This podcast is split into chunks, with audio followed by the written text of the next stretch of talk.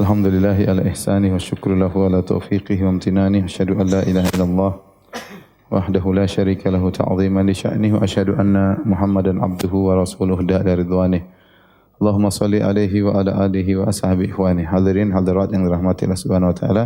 Kita lanjutkan bahasan kita dari surat al-infitar. Surat al-infitar. Al-infitar artinya terbelah.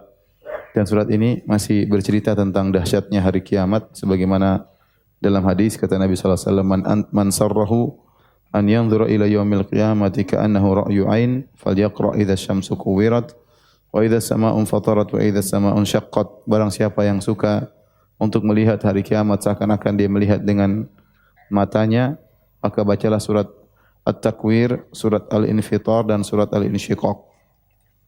Uh,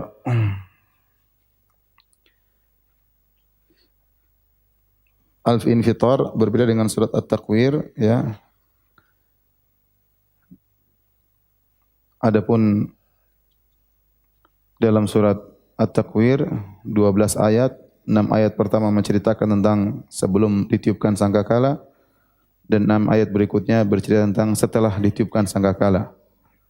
Adapun dalam surat Al-Infitar ya hanya menyebutkan tentang dahsyatnya hari kiamat yaitu setelah ditiupkan sangkakala. Tujuannya adalah untuk mencela orang-orang kafir ya yang mereka kafir kepada Allah padahal telah diberikan kenikmatan yang banyak oleh Allah Subhanahu wa taala.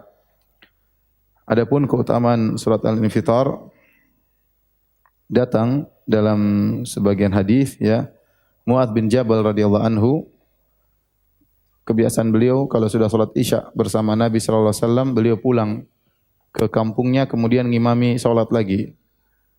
Jadi salat sunnah bagi dia tetapi bagi makmumnya adalah salat wajib. Jadi dia salat bersama Nabi wasallam jadi makmum, setelah itu dia pulang kampungnya salat jadi imam, salat Isya. Tetapi dia baca terlalu lama ya. Bacanya surat Al-Baqarah ya. Sehingga orang-orang di belakang gelisah. Sampai ada salah seorang dari mereka karena kelamaan akhirnya dia menyelesaikan sendiri ya. Jadi Mu'ad masih berdiri dia ruku, dia selesaikan sendiri. Assalamualaikum, Assalamualaikum, salam pergi. Sahabat ini akhirnya dia mungkin karena ada keperluan, dia tidak bertahan sampai selesai, dia ngelanjutin sendiri. Ya, tatkala kabar ini sampai kepada Muaz, Muaz berkata, "Innahu munafik." Itu orang munafik. Akhirnya perkataan Muaz yang mengatakan munafik ini sampai kepada sahabat tersebut. Maka orang tersebut pun sahabat tersebut pun yang menyelesaikan sendiri lapor kepada Nabi sallallahu alaihi wasallam tentang perkataan Muaz. Maka Muaz bin Jabal pun dipanggil oleh Nabi sallallahu alaihi wasallam. Nabi berkata, "Aturidu an takuna fattanan ya Muaz? Apakah kau ingin menjadi pembuat fitnah wahai Muad, itu jangan solat, jangan lama-lama bacanya. Ya. Kasihan orang di belakang. Kalau ente solat sendiri tidak apa-apa, tapi kalau ente jadi imam, jangan sampai merepotkan orang di belakang. Kata Nabi wasallam, "Inna wara'aka ya dhaif al-marid ya. Fa inna min wara'ika dhaif di belakang kau ada orang sakit, al-marid ada orang orang lemah, ada al-taif orang lemah, orang sakit. Kemudian ada juga wadal haja dan ada orang punya keperluan. Maka kata Nabi sallallahu alaihi wasallam, "Idza nas" Kalau kau jadi imam, faqra bisyamsi wa duhaha. Bacalah surat wasyamsi wa duhaha. Kemudian baca wasabbihisma rabbikal a'la, sabbihisma rabbikal a'la. Kemudian juga baca uh, iqra bismi rabbikal Iqra bismi rabbikal ladzi khalaq itu surat Al-Alaq.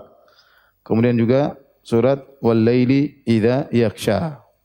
Dalam riwayat yang lain kata Nabi sallallahu alaihi wasallam wa idza samaa'u fatarat. Bacalah surat idza samaa'u fatarat. Nah inilah disebut oleh para ulama dengan awasitul mufassal yaitu surat-surat yang tengah tengah-tengah ini cocok dibaca tatkala salat Isya.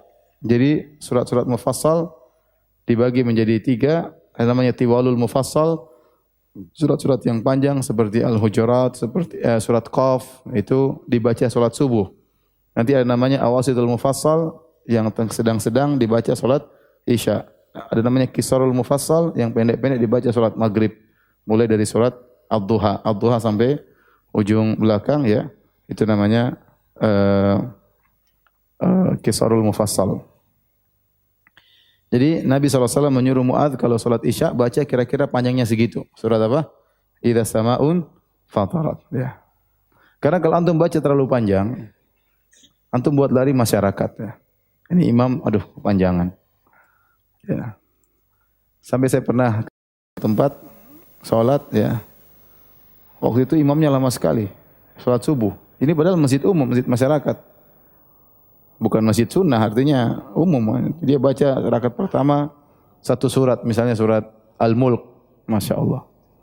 Rakaat kedua dia biasa surat Al-Qalam, panjang-panjang ya. Saya bilang sama teman, akhi ini enggak kepanjangan enggak? Bacanya lama sekali, kasihan orang awam. Iya benar Ustaz, itu ada orang tua itu kalau dia datang ke masjid lihat yang imam dia langsung pulang nih. nah, oh ini bakalan lama, mending saya sholat di rumah. Jadi jangan bikin orang kabur. Baik. Uh, kita baca ayat yang pertama kata Allah Subhanahu wa taala idza samaa'un fatarat. Ini surat Makkiyah ya karena bicara tentang hari kiamat. Idza samaa'un fatarat tatkala langit terbelah. Langit adalah makhluk Allah terbesar yang dilihat oleh kita ya. Makhluk Allah yang besar yang bisa kita lihat langit. Tentunya masih ada yang lebih besar daripada langit seperti kursi, wasi'a kursiyuhu samawati wal ard. Kata Allah, kursi Allah meliputi langit dan bumi.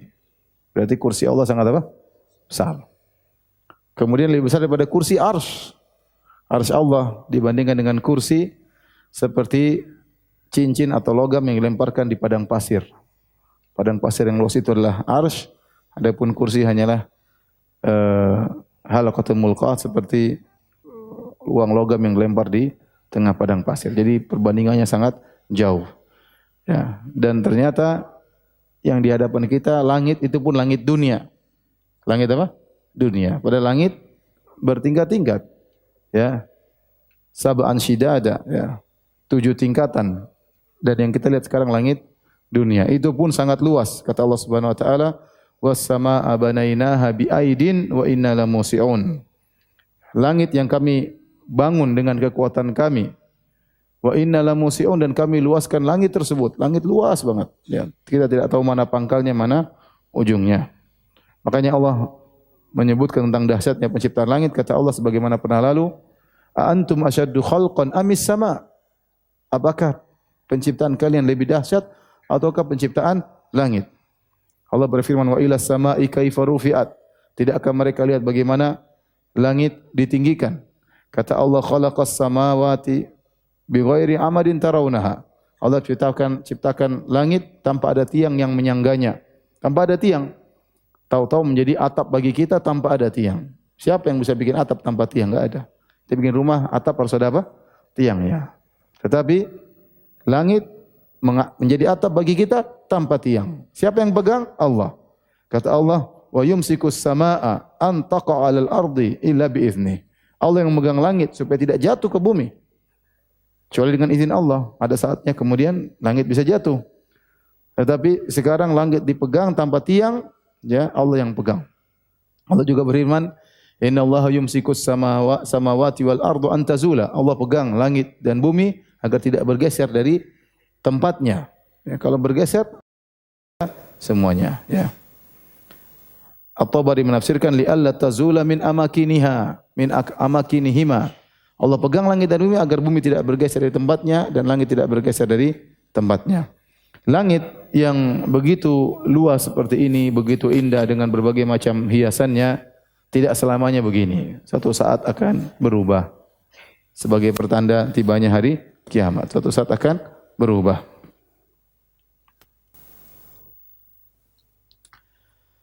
Uh, Allah berfirman, ya, "Idza samaa'un fatarat." Ya.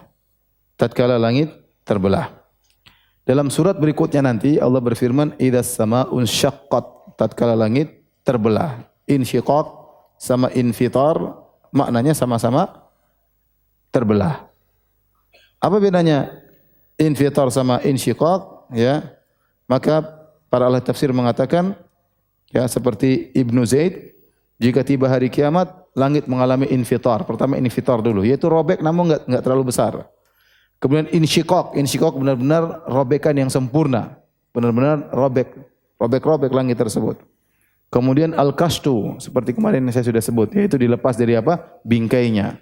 Setelah itu baru Allah lipat, ya, Allah lipat. Jadi itulah tahapan yang dialami oleh langit. Coba lihat halaman 158. 158 ada lima tahapan yang dialami oleh langit pada hari kiamat kelak. Yang pertama al-infitar, awal terbelahnya langit. Setelah itu al-insyikok, terbelahnya langit secara sempurna. Setelah itu langit menjadi lemah. Wan syaqqatis sama'u fahiya yauma idzin wahiyah dalam surat Al-Haqqah. Kata langit terbelah maka jadilah lemah. Langit tersebut lemah mudah untuk dilepas dari bingkainya setelah itu al-kastu itu dilepas dari tempatnya baru kemudian at-tai Allah lipat langit tersebut. Itulah proses yang dialami oleh apa? Langit. Sama seperti kita sebut kemarin tentang gunung. Gunung pertama dicabut dari pasaknya, diterbangkan oleh Allah, ditabrakan, kemudian jadi apa? Debu yang berterbangan. Seperti itu. Langit prosesnya gitu. Infitar, insyikak, kemudian baru wahiyah jadi lemah, baru kemudian al-kash, baru kemudian tai dilipat. Uh, setelah itu Allah Subhanahu wa taala uh, Allah berlanjutkan wa idzal kawakibun tatharat tatkala bintang-bintang berserakan. Nah, kalau bintang-bintang numpang di langit, langit sudah dirobek oleh Allah Subhanahu wa taala sudah enggak kuat, jadi lemah, bintang-bintang tersebut akhirnya pun lepas dari bingkainya, berjatuhan. Bertebaran, enggak teratur, hancur turun turun ke bawah. Itu namanya Aidha wa idzal kawakibun tasarat ya. Tentunya sangat dahsyat ya. Bayangkan bagaimana uh, kalau meteor jatuh saja kita dengar dahsyat. Kalau ada bumi gonjang sedikit kita luar biasa dengarnya bagaimana langit yang luas kayak begini kemudian terbelah entah suara apa yang akan muncul ya kemudian mengerikan. Setelah itu Allah berfirman wa idzal biharu fujirat dan apabila lautan menjadi meluap. Ini sudah juga kita jelaskan lautan mengalami beberapa fase. Pertama, fujirat meluap. Setelah, itu apa? Kemudian bersatu dengan yang lainnya. Air tawar bercampur dengan apa air? Air asin. Setelah itu sujirat dinyalakan. Setelah itu mengering. Ya, setelah itu mengering. Enggak ada lagi air, enggak ada lagi sungai di padang mahsyar.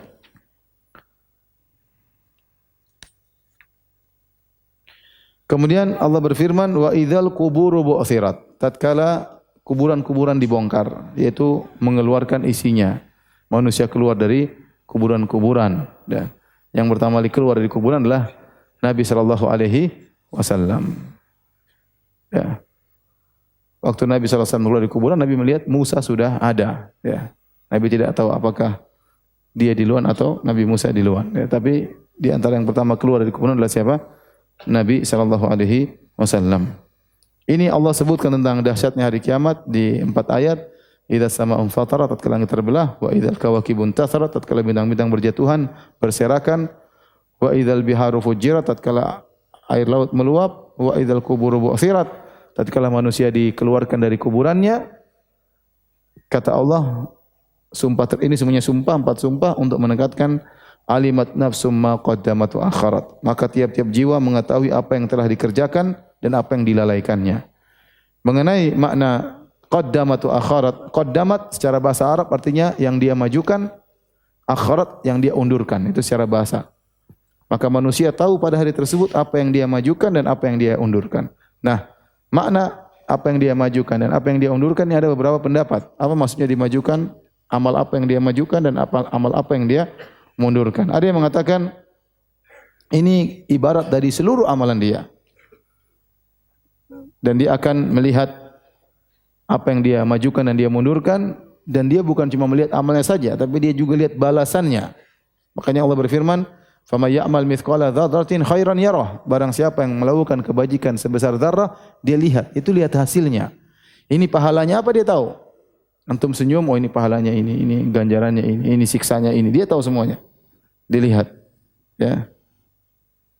Tafsiran kedua, alimat nafsu ma qaddamat apa yang dia majukan maksudnya amal solehnya. Wa ma akharat yaitu amal maksiat yang buat dia mundur dari surga. Setiap kita melakukan maksiat kita mundur. Harusnya kita sudah sampai ke surga, mundur lagi. Sampai surga, mundur lagi. Akibat maksiat yang kita lakukan. Seorang perlu menghisap dirinya, dia udah maju atau dia mundur. Jangan-jangan lebih banyak mundurnya menuju neraka daripada majunya ke mana? Surga. Lagi zaman sekarang banyak maksiat. Ya. Maksiat di mana-mana, di YouTube, ya, di Facebook, Instagram, di mana lagi Twitter, apa lagi?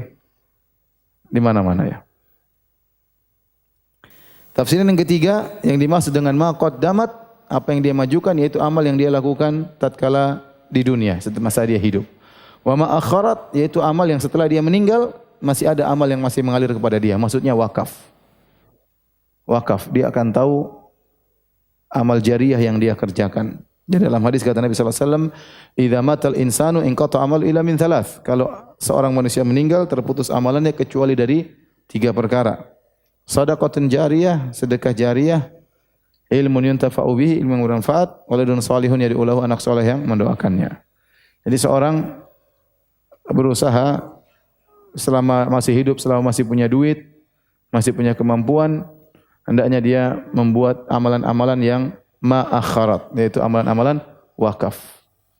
Karena kalau dia sudah meninggal, selesai. Kapan seorang meninggal? Selesai. Sudah enggak bisa apa-apa. Dia enggak bisa zikir, dia enggak bisa sedekah, satu rupiah pun dia tidak bisa sedekah. Meninggal selesai. Hartanya banyak, udah.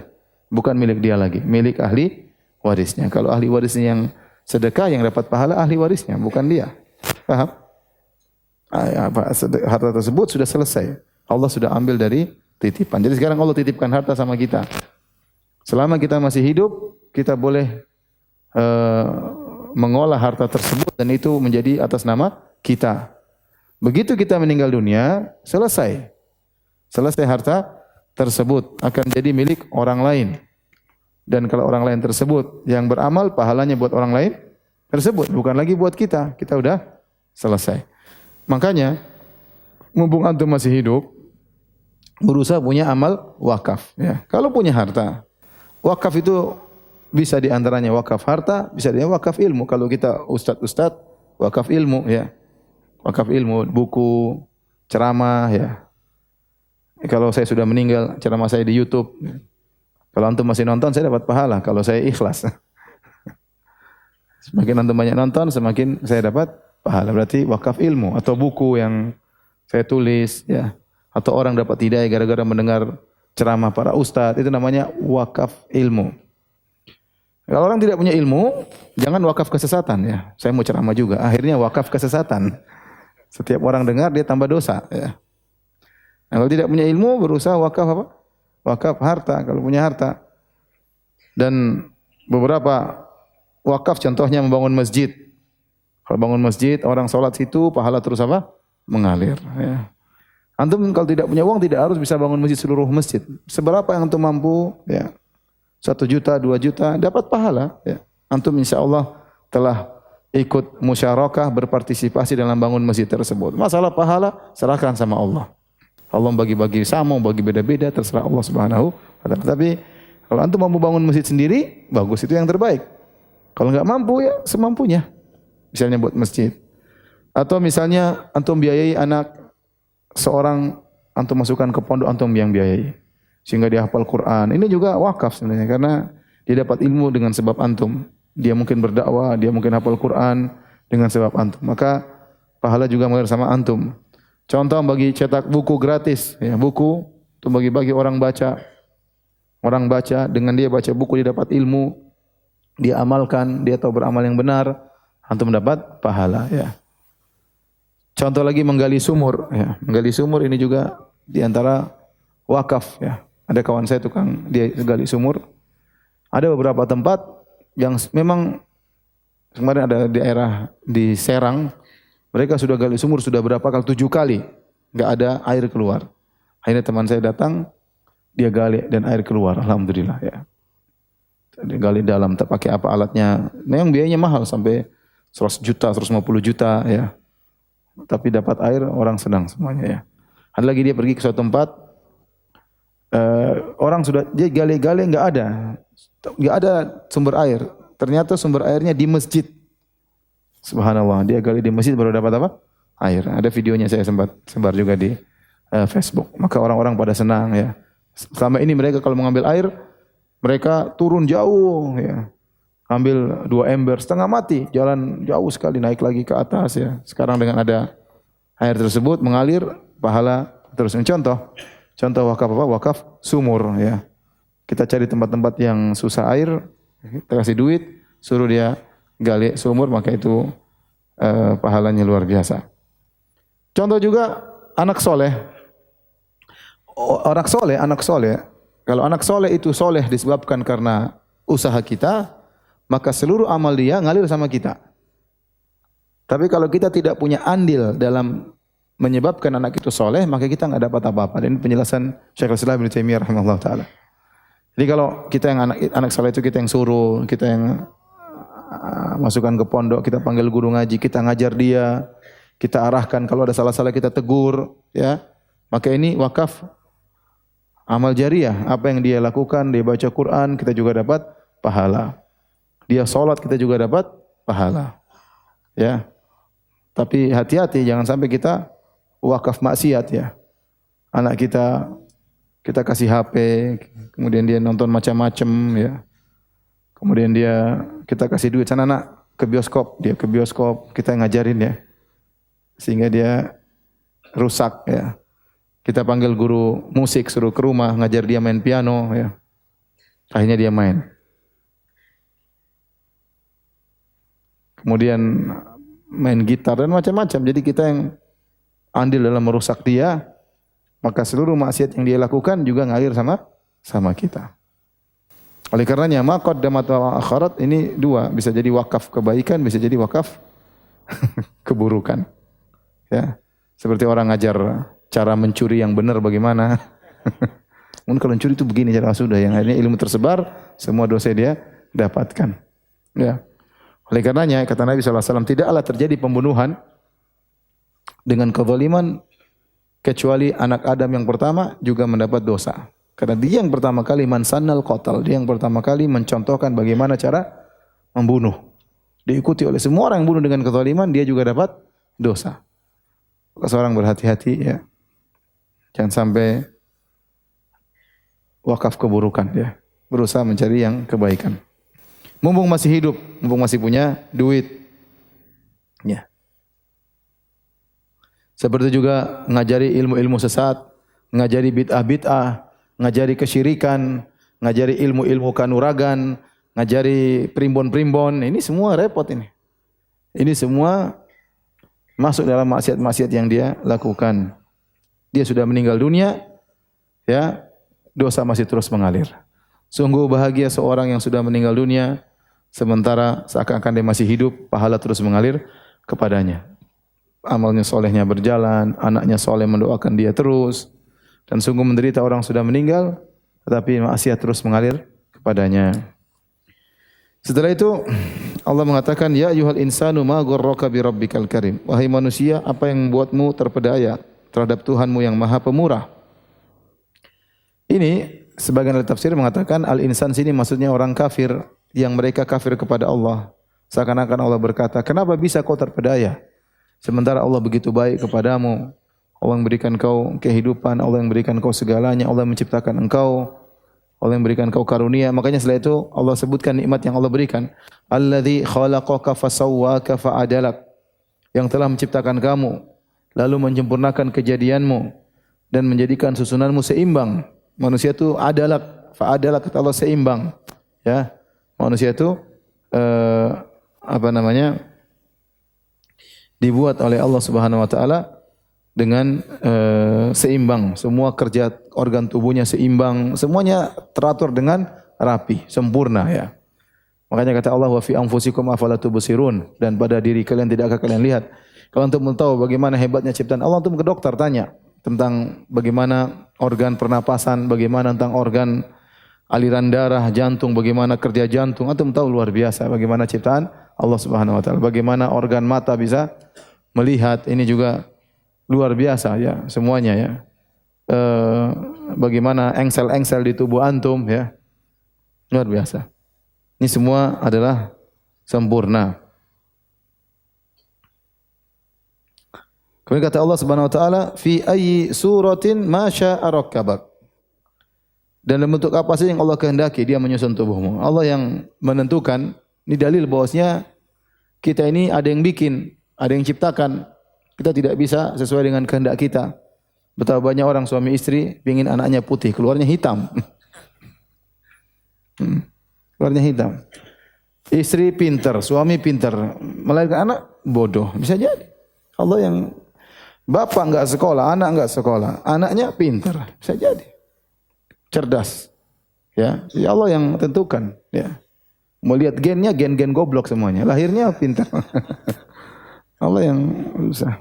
Hebat. Ada orang apa namanya? putih tapi pesek. Suaminya hitam tapi mancung. Mau di mix supaya putih dan mancung. Lahirnya hitam dan pesek. Mau diapain? Jadi masing-masing punya bentuk tersendiri. Makanya tidak ada di atas muka bumi ini orang yang sama persis nggak ada. Sidik jari semuanya beda. Sidik jari semuanya apa?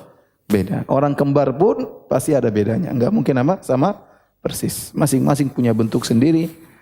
Masing-masing punya kondisi sendiri yang itu menentukan Allah Subhanahu wa taala ya. Makanya di antara tanda rububiyah Allah Subhanahu wa taala uh, kata Allah Subhanahu wa taala afara'aitum ma tumnun a antum takhluqunahu am nahnul khaliqun. Tidakkah kalian lihat tentang air mani yang kalian keluarkan? Apa kalian ciptakan air mani tersebut ataukah kami yang menciptakan air mani? Kalian manusia, air mani dalam tubuh kalian, tapi yang ciptakan Allah Subhanahu wa taala. Allah hanya menciptakan sampai umur sekian baru air mani itu ada. Sebelum itu kalian tidak bisa mengeluarkan air air mani. Nanti pada umur tertentu air mani tersebut mungkin semakin habis semakin tidak ada tatkala sudah sangat sangat tua ya. Kemudian keluarnya air mani tersebut min ma'in sesuai dengan yang Allah kehendaki. Tidak bisa kita mau banyak-banyak sekali nggak bisa. Kemudian tatkala jadi manusia pun ada aturannya. Masuk rahim wanita, semuanya atur Allah Subhanahu wa taala. Ya, jadi laki-laki atau perempuan enggak ada yang tahu. Bagaimana hitam atau putih enggak ada yang tahu, cerdas atau bahlul enggak ada yang yang tahu ya. Semua yang tentukan siapa? Allah Subhanahu wa taala.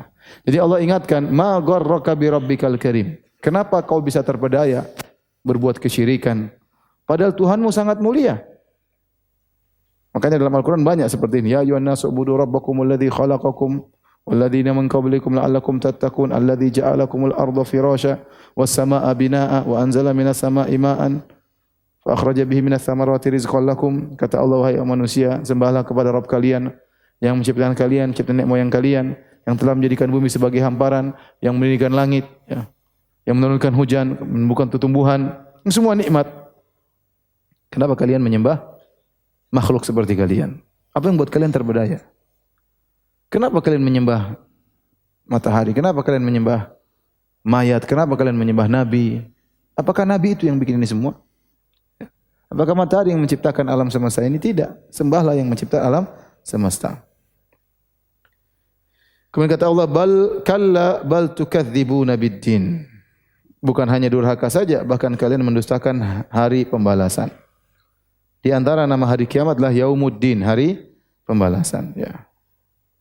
Makanya Ali bin Abi Thalib mengatakan al-yauma amalun bila hisab. Godan hisabun bila amal. Sekarang ada amal, tidak ada hisab. Tidak ada yang hisab antum. Besok hari kiamat hisabun bila amal. Yang ada cuma hisab, amal sudah enggak bisa lagi. Hari tersebut namanya hari pembalasan di mana setiap orang akan membalas menerima pembalasan perbuatannya. Di dunia sekarang amal. Ya, darul amal, di akhirat darul jaza. Jaza itu maksudnya pembalasan. Kemudian kata Allah, "Wa inna 'alaikum lahafizin." Sungguhnya bagi kalian ada malaikat-malaikat yang mengawasi. Malaikat selalu mengawasi perbuatan kita meskipun tidak melihat malaikat tersebut. Kiraman katibin, yang malaikat-malaikat yang pengawas kalian itu adalah sangat mulia dan mereka mencatat seluruh perbuatan kalian, perkataan kalian, lirikan mata kalian, gerakan jari-jari kalian, apa yang kalian tulis, apa yang kalian ketik ya. Semuanya ya. Pendengaran kalian, lisan kalian, semua dicatat ya. Kata Allah, "Ma yalfidhu min qawlin illa ladaihi raqibun atid." Tidak ada satu perkataan pun keluar kecuali ada malaikat pengawas yang selalu hadir. Raqib selalu mengawasi, atid selalu hadir. Jadi ingat,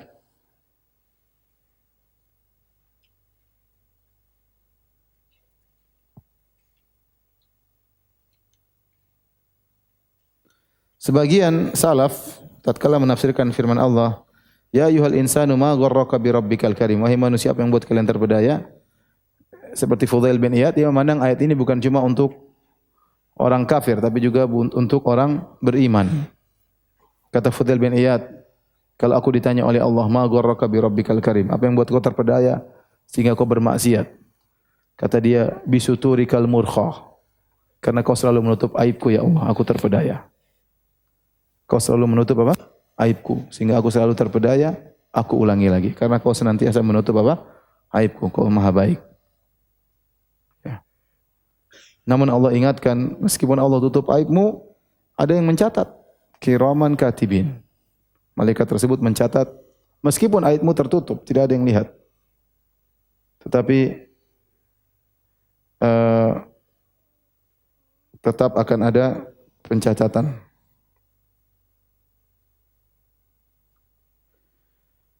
Kemudian kata Allah Subhanahu wa taala, "Ya'lamuna ma taf'alun." Mereka mengetahui apa yang kalian kerjakan. Malaikat tahu apa yang kalian kerjakan. Jadi bukan cuma kamu tahu aja, kamu aja yang tahu, malaikat juga tahu. Jangan antum merasa saya sendiri, enggak ada orang. Ya memang orang enggak ada. Antum orang atau bukan? Antum orang. Tapi ada malaikat yang nyatat. Latih diri kita untuk malu sama malaikat. Kita kita ini iman kurang ya. Ada tahu malaikat kanan kiri ngelihat, kita cuek aja. Setelah itu Allah berfirman, akhir sebuah perjalanan, surga atau neraka. Kata Allah, innal abrara lafi naim. Sungguhnya orang-orang baik itu dalam ke kebahagiaan. Al-abrar dari kalimat bar, bar itu dalam bahasa Arab menunjukkan keluasan. Makanya dataran terbuka namanya bar. Orang tidak dikatakan dengan bar, jamaknya al-abrar, kecuali orang tersebut melakukan kebajikan dengan sangat luas. Kata para ulama, kalau dia berbakti, benar-benar berbakti. Serius berbaktinya. Kalau dia sholat malam, dia benar-benar serius sholat malam. Kalau dia sedekah, dia benar-benar sedekah serius. Kalau dia dakwah, dia benar-benar dakwah serius. Karena baru dikatakan orang itu bar. Bukan hanya sedekah seadanya, berbakti sekedarnya, ya Salat malam secukupnya, enggak. Jadi benar-benar kalau dia sudah menggeluti suatu amalan, dia benar-benar bar. Itu benar-benar amalnya uh, serius ya. Makanya Az-Zabidi berkata, asal makna dari bar adalah sa'ah, kelapangan. Oleh karenanya al-bar disebut dengan daratan disebut al-bar karena luas sebagai lawan daripada al-bahar. Ada yang mengatakan kalau dia sudah melakukan suatu kebajikan bukan wajib wajib aja yang dikerjakan. Sunnah sunnah juga dia kerjakan. Kalau dia berzakat bukan zakatnya dia bayar, tapi sedekah juga dia kerjakan. Kalau dia sholat wajib bukan wajib aja, dia sholat sunnah juga dia kerjakan. Seperti itu. Kata Allah, lafi naim. Fi artinya di dalam, artinya orang baik itu benar-benar dalam kebahagiaan. Uh, Kebahagiaan di sini zahirnya berkaitan dengan surga. Orang kalau masuk surga dia bahagia dalam kenikmatan, bukan di atas kenikmatan, tenggelam dalam kenikmatan. Tidak ada di samping kanan kiri dia, atas bawahnya kecuali diliputi dengan kenikmatan. Dia diliputi oleh kenikmatan dari segala arah maksudnya. La fi naim, tenggelam dalam kenikmatan. Itu kalau di surga. Tapi Ibnu Qayyim rahimahullah taala mengatakan ayat ini tidak hanya berkaitan dengan akhirat, dengan surga, tapi di dunia dan juga di alam barzakh. Jadi orang-orang yang baik itu dia akan pasti merasa bahagia di dunia. Makanya kalau ada orang beriman tidak bahagia, itu enggak benar. Makanya Ibnu Taimiyah pernah berkata, "Inna fid dunya jannatan. Man lam yadkhulha lam yadkhul jannatal akhirah." Di dunia itu ada surga. Barang siapa yang tidak masuk dalam surga tersebut, dia tidak akan masuk surga di akhirat. Artinya Ibnu Taimiyah mengatakan ada kebahagiaan di dunia bagi orang beriman. Ibnu Taimiyah rahimahullah dalam kondisi disiksa di penjara dia mengatakan, "Madza yaf'alu a'da'i Apa yang hendak dilakukan musuh-musuhku kepadaku? Jannati fi qalbi, surgaku di hatiku. Mau dia apa mau di penjara tetap dia bahagia. Mau diasingkan dia tetap bahagia. Mau jihad bahagia. Semuanya dia merasa bahagia. Maka dia mengatakan, "Madza yaf'alu a'da'i bi?" Apa yang dilakukan oleh musuhku kepadaku? Jannati fi qalbi, kebahagiaan selalu aku bawa. Mereka ingin merampas kebahagiaanku, enggak bisa. Sebagian mereka mengatakan, "Law alimus salatin." Ya, "Ma nahnu alaihi la jaladuna alaihi." Kalau para raja-raja, para presiden-presiden tahu tentang kebahagiaan yang kita rasakan, maka mereka akan maksa merampas dari kita. Namun mereka tidak tahu. Mereka menyangka kebahagiaan mereka dengan harta, dengan kejabatan. Tidak, kebahagiaan itu dengan iman. Kebahagiaan tempatnya di hati. Yang membolak-balikan hati manusia adalah Allah Subhanahu wa taala. Nanti yang bahagia minta sama Allah. Kalau kasih bahagia, apapun kondisi antum antum akan bahagia. Maka orang beriman harus bahagia. Kalau dia enggak bahagia berarti dia bukan orang beriman. Bukan berarti bahagia enggak pernah dapat masalah. Ibnu Taimiyah dapat masalah. Penjara, dituduh, tapi ada kebahagiaan Allah berikan kepada kepada dia. Jadi innal abrar lafi naim, orang-orang baik itu dalam kebahagiaan di dunia dapat kebahagiaan di alam barzakh dapat kenikmatan kubur, di akhirat dapat surga. Kata Allah, innal fujjara lafi jahim. Adapun orang-orang durhaka dalam neraka. Dalam neraka. Ya, mereka ya melakukan kefajiran. Mereka kafir dengan keyakinan, syirik, bertawakal kepada selain Allah, percaya kepada hal-hal yang haram, melakukan kefajiran dengan anggota tubuh, zina, menzalimi, minum khamar dan yang lainnya. Kata Allah, yaslaunaha yaumaddin. Mereka akan masuk dalam neraka jahanam pada hari pembalasan. Wa ma hum anha biqaibin. Dan mereka tidak pernah goib dari neraka. Berarti hadir terus di neraka. Ini wa ma hum anha biqaibin artinya mereka tidak pernah goib dari neraka. Artinya mereka selalu hadir di neraka, artinya tidak ada libur di neraka. Tidak ada liburan. Kemudian kata Allah Subhanahu wa taala, "Wa ma adraka ma yaumuddin?" Tahukah engkau apa itu hari pembalasan? Summa ma adraka ma yaumuddin? Dan tahukah engkau apa itu hari pembalasan?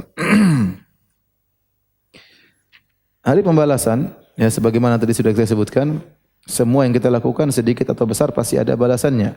Fama ya'mal mithqala dzarratin khairan yarah. Barang siapa melakukan kebaikan sebesar darah pun, sekedar senyum aja pasti ada manfaat. Antum melakukan kebaikan sedikit pun dalam hati antum, antum husnudzon sama orang, antum tidak sombong sama orang, orang mungkin tidak tahu. Antum hormati dia dalam hati antum, itu pasti ada balasannya. Pasti ada balasannya. Antum senyum sama orang, antum ramah sama orang, ya. Itu pasti ada balasannya, ya. Antum bantu orang sedikit aja, itu pasti ada balasannya. Enggak ada yang tidak ada balasannya. Demikian juga keburukan sedikit pun pasti ada balasannya. Antum sombong merendahkan orang, antum hasad sama orang, antum suuzon sama orang, itu semua ada catatannya, ada balasannya. Antum bermuka masam sama orang, ya, ada balasannya. Semua ada balasannya karena itu adalah hari pembalasan. Kemudian kata Allah, "Yauma la tamliku nafsun li nafsin syai'a." Pada hari tersebut seorang tidak berdaya sedikit pun untuk menolong orang lain.